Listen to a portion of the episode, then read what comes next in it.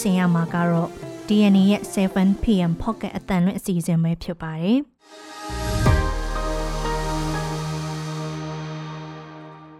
ဒီကနေ့ဇန်နဝါရီလ10ရက်ရဲ့ pocket အတန်လွင့်အစီအစဉ်မှာတော့စောမာ NUG လက်အောက်ခံပအဖတာဝန်ခံကို PDF ဖမ်းဆီးတယ်ဆိုတဲ့အကြောင်းစစ်အုပ်စုအတွက်အခွန်မပေးဖို့ပြည်ပရောက်မြန်မာတွေကိုတိုက်တွန်းနေဆိုတဲ့အကြောင်းတိုက်ပွဲဖြစ်မှာစိုးရင်လို့ လာရှိုးမြို့ကိုစွန့်ခွာသူတွေတိုးလာနေတယ်ဆိုတဲ့အကြောင်းဘလဝမြို့ကိုသိမ်းပိုက်နိုင်ဖို့နောက်ဆုံးကြံနေတဲ့စစ်စခန်းတချို့ကိုအေးအေးဆက်လက်ထိုးစစ်ဆင်နေတယ်ဆိုတဲ့အကြောင်းအုပ်ဖို့မှာရက်ကြီးအုပ်ချုပ်ရေးမှုတအူးအပါအဝင်ငါးဦးပြစ်တက်ခံရတယ်ဆိုတဲ့အကြောင်းစတဲ့ပြည်တွင်းသတင်းတွေနဲ့လေရင်ချင်းတိုက်မိပြီးတော့မီးလောင်ခဲ့တဲ့ဂျပန်လေစိတ်ထဲမှာအပြက်အစည်းတွေကိုရှင်းလင်းပြင်ဆင်မှုတွေပြီးစီးနေပြီဆိုတဲ့အကြောင်း အတိုက်အခန့်တွေမပါတဲ့ရွှေကောက်ပွဲမှာမျောလင့်ထားတဲ့အတိုင်းဘင်္ဂလားဒေ့ရှ်ဝန်ကြီးချုပ်အနိုင်ရတယ်ဆိုတဲ့အကြောင်းစတဲ့နိုင်ငံတကာသတင်းတွေကိုနားဆင်ရမှာပါရှင်ဒီစီစဉ်ကိုတော့ကျမနန်းခမ်းနဲ့စိန်ကတင်ဆက်ပေးသွားပါမယ်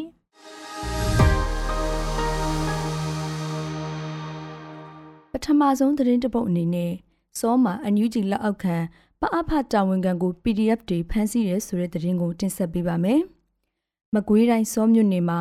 အန်ယူဂျီလက်အောက်ခံပြည်သူ့အုပ်ချုပ်ရေးအဖွဲ့တာဝန်ခံတဦးကိုကြောက်ထု PDF တပ်ဖွဲ့က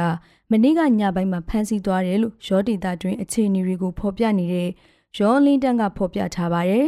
။စောမြို့နယ်ကြောက်ထုဒေတာမိအဲကျေးရွာအုပ်စုပအဖတာဝန်ခံနဲ့ဇနီးဖြစ်သူတို့ကိုကြောက်ထု PDF တပ်ဖွဲ့ကဖမ်းဆီးသွားတယ်လို့ဆိုပါတယ်။ကြောက်ထု PDF တပ်ဖွဲ့ကတော့အဲ့ဒီဖြစ်စဉ်နဲ့ပတ်သက်လို့တစုံတရာထုတ်ပြန်ပြောဆိုတာမျိုးမရှိသေးပါဘူး။ စောမြို့နယ်ပြည်သူ့အုပ်ချုပ်ရေးအဖွဲ့တာဝန်ခံဒေါက်တာကြည်စိုးထွန်းကတော့ NUG လက်အောက်ခံဌာနဆိုင်ရာအဖွဲ့အစည်းတွေကြားအထောက်အထားမခိုင်လုံပဲဖမ်းဆီးတာမျိုးမလုပ်သင့်ဘူးလို့ပြောကြောင်းရောအလင်းတန်းကဖော်ပြထားပါတယ်။ရောဒေတာမှာ NUG လက်အောက်ခံအုပ်ချုပ်ရေးအဖွဲ့တွေနဲ့လက်နက်ကင်တပ်တွေကြားတခြားတော်လှန်ရေးအင်အားစုတွေနဲ့ NUG လက်အောက်ခံတော်လှန်ရေးအင်အားစုတွေကြားပြိပခတွေအရင်ကလည်းဖြစ်လိရှိပါတယ်။ရောဒေတာထဲကထီလင်းမြို့မှာလည်းမြို့နယ်ပြည်သူ့အုပ်ချုပ်ရေးအဖွဲ့ဖွဲ့စည်းမှုနဲ့ပတ်သက်လို့ လက်တလုံးအငင်းပွားမှုတွေရှိနေပြီးပြည်သူ့ဆန္ဒအားလုံးပါဝင်တဲ့မြို့နယ်ပြည်သူ့အုပ်ချုပ်ရေးအဖွဲ့ဖွဲ့စည်းပေးဖို့ဒေသခံတွေကဒီကနေ့မှဆန္ဒပြတောင်းဆိုခဲ့ကြပါသေးတယ်။ဆက်လက်ပြီးပြောပြချင်တဲ့အကြောင်းကတော့စစ်အုပ်စုအတွက်အခွန်မပေးဖို့ပြည်ပရောက်မြန်မာတွေကိုတိုက်တွန်းနေဆိုတဲ့အကြောင်းပါ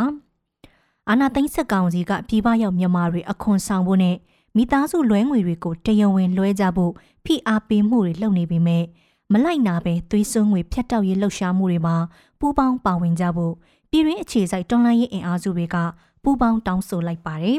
။စစ်ကောင်စီရဲ့ဖိအားပေးမှုတွေကြောင့်ပြည်ပရောက်မြန်မာတွေအနေနဲ့အခွန်ဆောင်မှသာသက်ဆိုင်ရာနိုင်ငံတွေမှာဆက်လက်နေထိုင်ခွင့်နဲ့ပြည်တွင်းပြန်လာခွင့်တွေရကြမဲ့အကျက်အတဲနဲ့ကြုံနေကြရတာပါ။စစ်ကောင်စီဟာပြီးခဲ့တဲ့နှစ်ပိုင်းကစလို့ပြည်ပရောက်မြန်မာတွေရဲ့ဝင်ငွေတွေကနေအနည်းဆုံး200ခိုင်နှုန်းအခွန်ဆောင်ဖို့ မိသားစုစီလွဲပို့ငွေတွေကိုတရားဝင်လမ်းကြောင်းတွေကနေပေးပို့ကြဖို့ဖိအားပေးထားတာဖြစ်ပါတယ်။စကောင်စီရဲ့အဲ့ဒီညွှန်ကြားချက်တွေကိုလိုက်နာပြီးအခွန်ပေးဆောင်တာ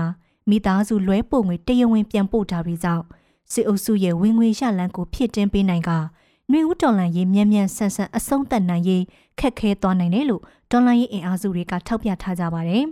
။လက်ရှိမှာတော့မြန်မာဒီမိုကရေစီအရေးထောက်ခံတဲ့နိုင်ငံတွေက မြန်မာနိုင်ငံသားတွေကို passport တက်တန်းကုန်နေပေမဲ့ဆက်လက်နေထိုင်အလုပ်လုပ်ကင်ခွင့်ပေးထားတာမျိုးလည်းရှိနေတာကြောင့်စစ်ကောင်စီအတွက်ဝင်ငွေမစည်းစင်းစီရေးနဲ့ဖြတ်တောက်ရေးလှုပ်ရှားမှုတွေမှာပူးပေါင်းပါဝင်ပေးကြဖို့သွေးစွန်းငွေဖြတ်တောက်ရေးလှုပ်ရှားမှုအဖွဲ့ Blood Money ကတိုက်တွန်းထားပါတယ်။ဒီလှုပ်ရှားမှုတွေမှာပြည်ပရောက်မြန်မာတွေပူးပေါင်းပါဝင်နိုင်တဲ့နည်းလမ်းတွေကိုတနိုင်ငံချင်းအလိုက်ဖော်ပြပေးသွားမှာဖြစ်တာကြောင့်ပူးပေါင်းပေးကြဖို့ ပြည်ပရောက်မြန်မာနိုင်ငံသားတွေကိုဒေါ်လာရင်းအင်အားစုတွေကတိုက်တွန်းထားပါတယ်။နောက်ထပ်သတင်းတပုတ်အနေနဲ့တိုက်ပွဲဖြစ်မှာစိုးရိမ်လို့လာရှိုးမြို့ကိုစွန့်ခွာသူတွေတိုးလာတယ်ဆိုတဲ့သတင်းကိုတင်ဆက်ပေးပါမယ်။ညီနောင်မဟာမိတ်တပ်ဖွဲ့တွေကရှမ်းမြောက်မှာမြို့တွေဇက်တိုက်သိမ်းပိုက်နေတဲ့နောက်စစ်ကောင်စီရဲ့အရှိမြောက်တိုင်းစစ်ဌာနချုပ်ရှိရာလာရှိုးမြို့မှာလည်းတိုက်ပွဲတွေဖြစ်လာမှာစိုးရိမ်တာကြောင့်မြို့ကနေထွက်ခွာသွားသူတွေပိုတိုးလာတယ်လို့ဒေသခံတွေက DNA ကိုပြောပါရယ်။ 10-20ခွန်စစ်စင်ရေးစတင်ပြီးတဲ့နောက်တရုတ်မြန်မာနယ်စပ်မြို့တွေကစစ်ရှောင်လာသူတွေနဲ့လာရှိုးမြို့တဝိုက်မြို့နယ်တွေကစစ်ရှောင်တွေလာရောက်ခိုလုံခဲ့ကြပေမဲ့လက်ရှိမှာတော့လာရှိုးမြို့ကန်တွေရောစစ်ရှောင်တွေပါထပ်ပြီးတိမ်းရှောင်နေကြရတာပါငွေကြေးလိုအပ်ချက်ရှိတာအသိမိတ်ဆွေဆွေမျိုးမရှိတာတွေကြောင့်တခြားဒေသတွေမှာပြောင်းရွှေ့နေထိုင်မှုအဆင်မပြေသူတွေကတော့လာရှိုးမှာပဲဆက်လက်နေထိုင်နေကြပြီးအိမ်တိုင်းနှီးပန်းကတုတ်ချင်းတူးထားကြတယ်လို့ဆိုပါတယ်။ အရှိမြောက်တိုင်းစစ်ဌာနချုပ်အခြေစိုက်တဲ့မြို့ဖြစ်တဲ့လာရှိုးမြို့ကိုညီနောင်မဟာမိတ်တပ်တွေကတဖြည်းဖြည်းဝန်းရံပိတ်ဆို့လာပြီး10 20ခွန်စစ်စင်ရေးစတင်ခြင်းကတည်းကမူဆယ်လာရှိုးပြည်တော်စုလမ်းမကြီးဟာလည်းပိတ်ဆို့ဖြတ်တောက်ခံထားရတာပါလက်ရှိလာရှိုးမြို့ပေါ်နဲ့မြို့ပတ်ဝန်းကျင်တွေမှာလက်နက်ကြီးတန်တွေနေတိုင်းနှီးပါကြားနေရတယ်လို့ညီနောင်မဟာမိတ်သုံးဖွဲ့ဘက်ကမြို့အနီးနားတွေမှာနေရာယူထားကြပြီးဆိုတဲ့သတင်းတွေကြောင့် ဒေသခံပြည်သူအများပြားနဲ့စစ်ဘေးရှောင်တချို့တခြားမြို့တွေမှာပြောင်းရွှေ့နေကြတယ်လို့ဆိုပါတယ်။လာရှိုးကနေထွက်ခွာလာသူအများစုဟာတန့်ရန်ပြင်ဦးလွင်မန္တလေးရန်ကုန်တောင်ကြီးစတဲ့ဒေသတွေကိုသွားကြတယ်လို့သိရပါတယ်။လာရှိုးမြို့ကနေထွက်လာသူတချို့ကတော့လက်ရှိမြို့ပတ်ပတ်လည်မှာတရားတွေဇက်တိုက်ဖျက်ဆီးခံထားရပြီးလမ်းပန်းဆက်သွယ်ရေးဖျက်တောက်ခံထားရတဲ့အခြေအနေတွေကြောင့်တိုက်ပွဲဖြစ်လာရင်ထွက်မရရမှာစိုးရိမ်လို့ ကြိုတင်တင်းရှောင်လာတာလို့ပြောပါတယ်။ဆက်လက်ပြီးတော့ပလောဝမြို့ကိုတင်ပိုင်နိုင်ဖို့နောက်ဆုံးကျန်နေတဲ့စစ်စခန်းတချို့ကိုအေးအေးဆက်လက်ထိုးစစ်ဆင်နေတယ်ဆိုတဲ့အကြောင်းကိုပြောပြပေးပါမယ်။ဂလတန်စီမံကိန်းတီရှိရာချင်းပြည်နယ်ပလောဝမြို့တွင်နဲ့မြို့ပတ်လည်မှာရှိတဲ့စစ်ကောင်စီပြူဟာကုန်းတက်မတွေကိုအပိသက်သိမ့်ပိုင်နိုင်ရေးဆက်လက်ထိုးစစ်ဆင်တိုက်ခိုက်နေတယ်လို့ညီနောင်သုံးဖွဲ့ကထုတ်ပြန်ထားသလိုတိုက်ပွဲတွေဆက်လက်ပြင်းထန်နေတယ်လို့ဒေသခံတွေကလည်းပြောကြပါတယ်။ ဘလဝါမျိုးနဲ့ကက်ရဲ့ကလတန်မြစ်ရဲ့အရှိတ်မှာရှိတဲ့ခလာရနှစ်ရှိကိုတက်ရင်နဲ့မြို့ရင်းကစစ်ကောင်စီတပ်စခန်းတွေကိုရခိုင်တပ်တော်အေးအေးက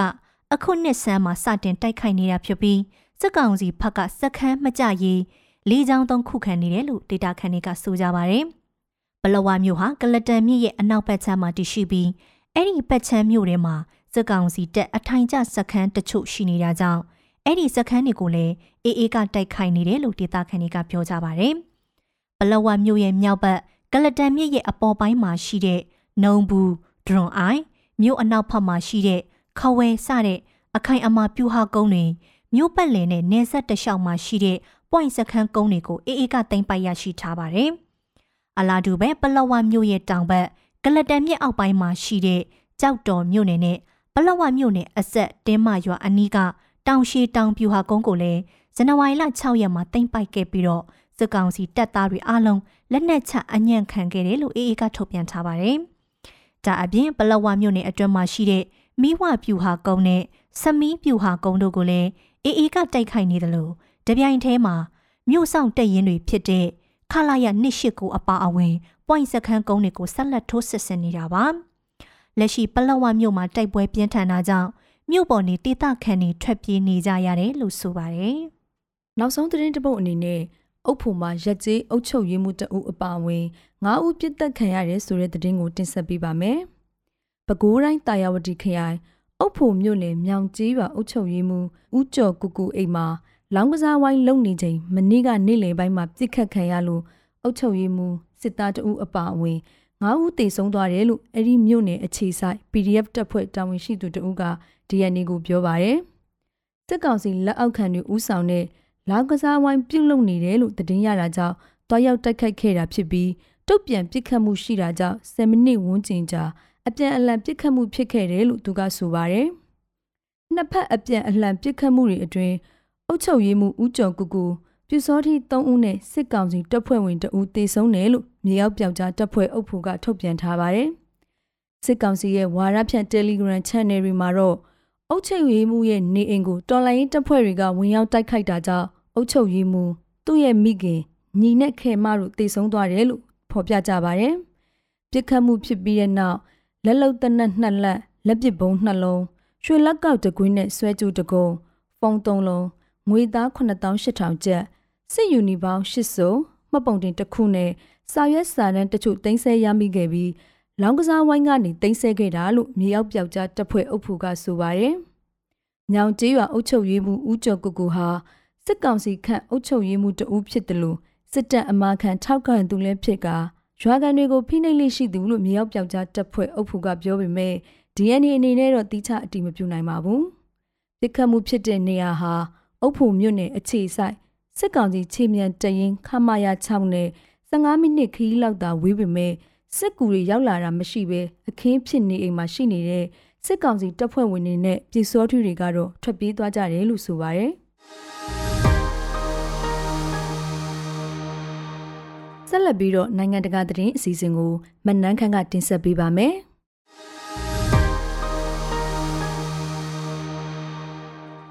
ဂျပန်နိုင်ငံတိုကျိုမြို့တော်မှာလေယာဉ်နှစ်စီးတိုက်မိပြီးမီးလောင်မှုဖြစ်ပွားခဲ့ရာလက်ရှိမှာတော့ လေယာဉ်ပြေးလမ်းကိုရှင်းလင်းမှုတွေပြင်ဆင်မှုတွေပြီးစီးသွားပြီဖြစ်ပါတယ်။တိုကျိုရဲ့လေယာဉ်နဲ့ခရီးသည်အဝင်အထွက်အထူးထပ်ဆုံးစည်ရင်းဝင်ဟာနီတာလေဆိပ်ရဲ့တာဝန်ရှိသူတွေက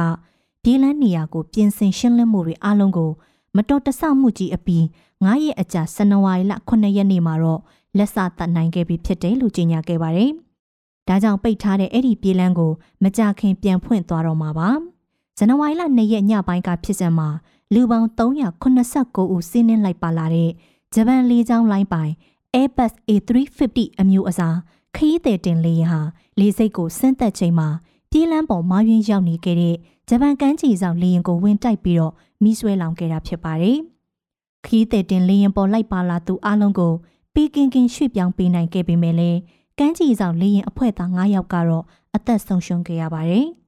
ခီးတဲ့တင်လေရင်တစည်းလုံးမီးလောင်ကျွမ်းသွားပြီးပြေးလန်းပေါ်မှာဆက်ရှိနေခဲ့တာကြောင့်စက်ရန်တရားကြီးတွေကိုပါအသုံးပြုပြီးတော့စနစ်တကျပြန်လည်ရှင်းလင်းခဲ့ရတာဖြစ်ပါတယ်။မီးကျွမ်းထားတဲ့အပြက်အစီးအစိတ်ပိုင်းတွေကိုထရက်ကားကြီးတွေပေါ်တင်ဆောင်ပြီးတော့လေးစိတ်ကနေတိတ်ထုတ်ခဲ့ကြရတယ်လို့မျက်မြင်တွေကပြောပါတယ်။ကဘာပေါ်မှာတတိယလေရင်အဝင်အထွက်အများဆုံးလေးစိတ်ထဲမှာမတော်တဆဖြစ်စဉ်ကြုံတွေ့ခဲ့တဲ့နောက်လေရင်ခရီးစဉ်နေရာလောက်ကိုရွှေ့ပြောင်းတာဖြတ်သိမ်းတာတွေလှုပ်ဆောင်ခဲ့ရတယ်လို့လည်းသိရပါတယ်။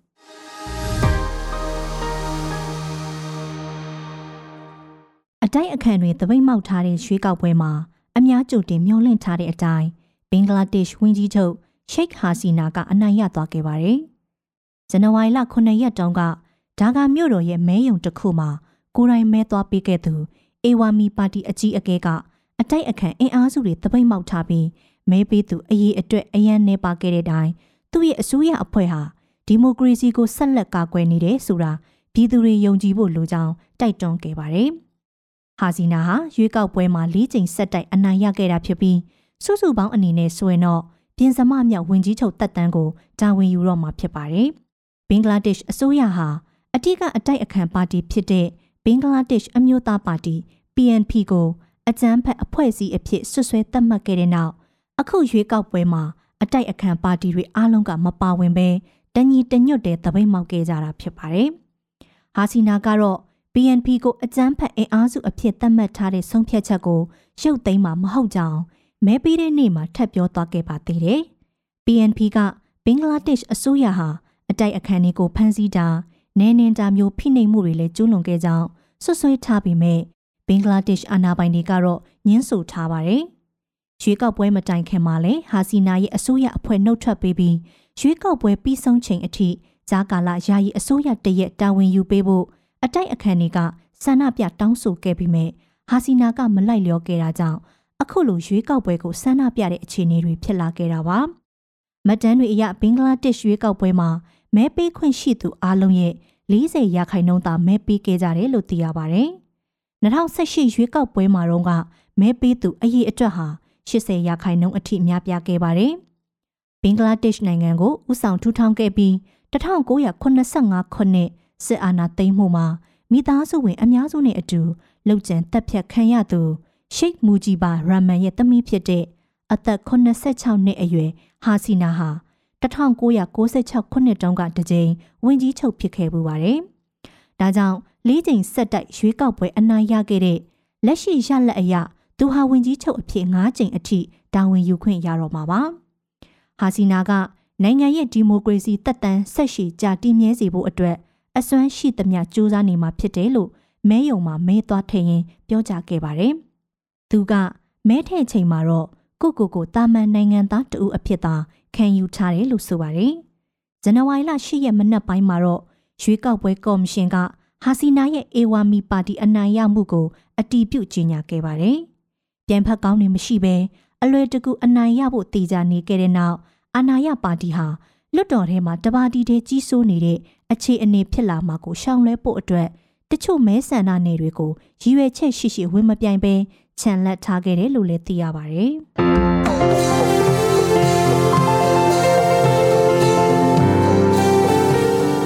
DNA ရဲ့ 7pm pocket အတန်လွင့်အစီအစဉ်ကိုအပတ်စဉ်တနင်္လာနေ့ကနေတောက်ကြနေ့အထိည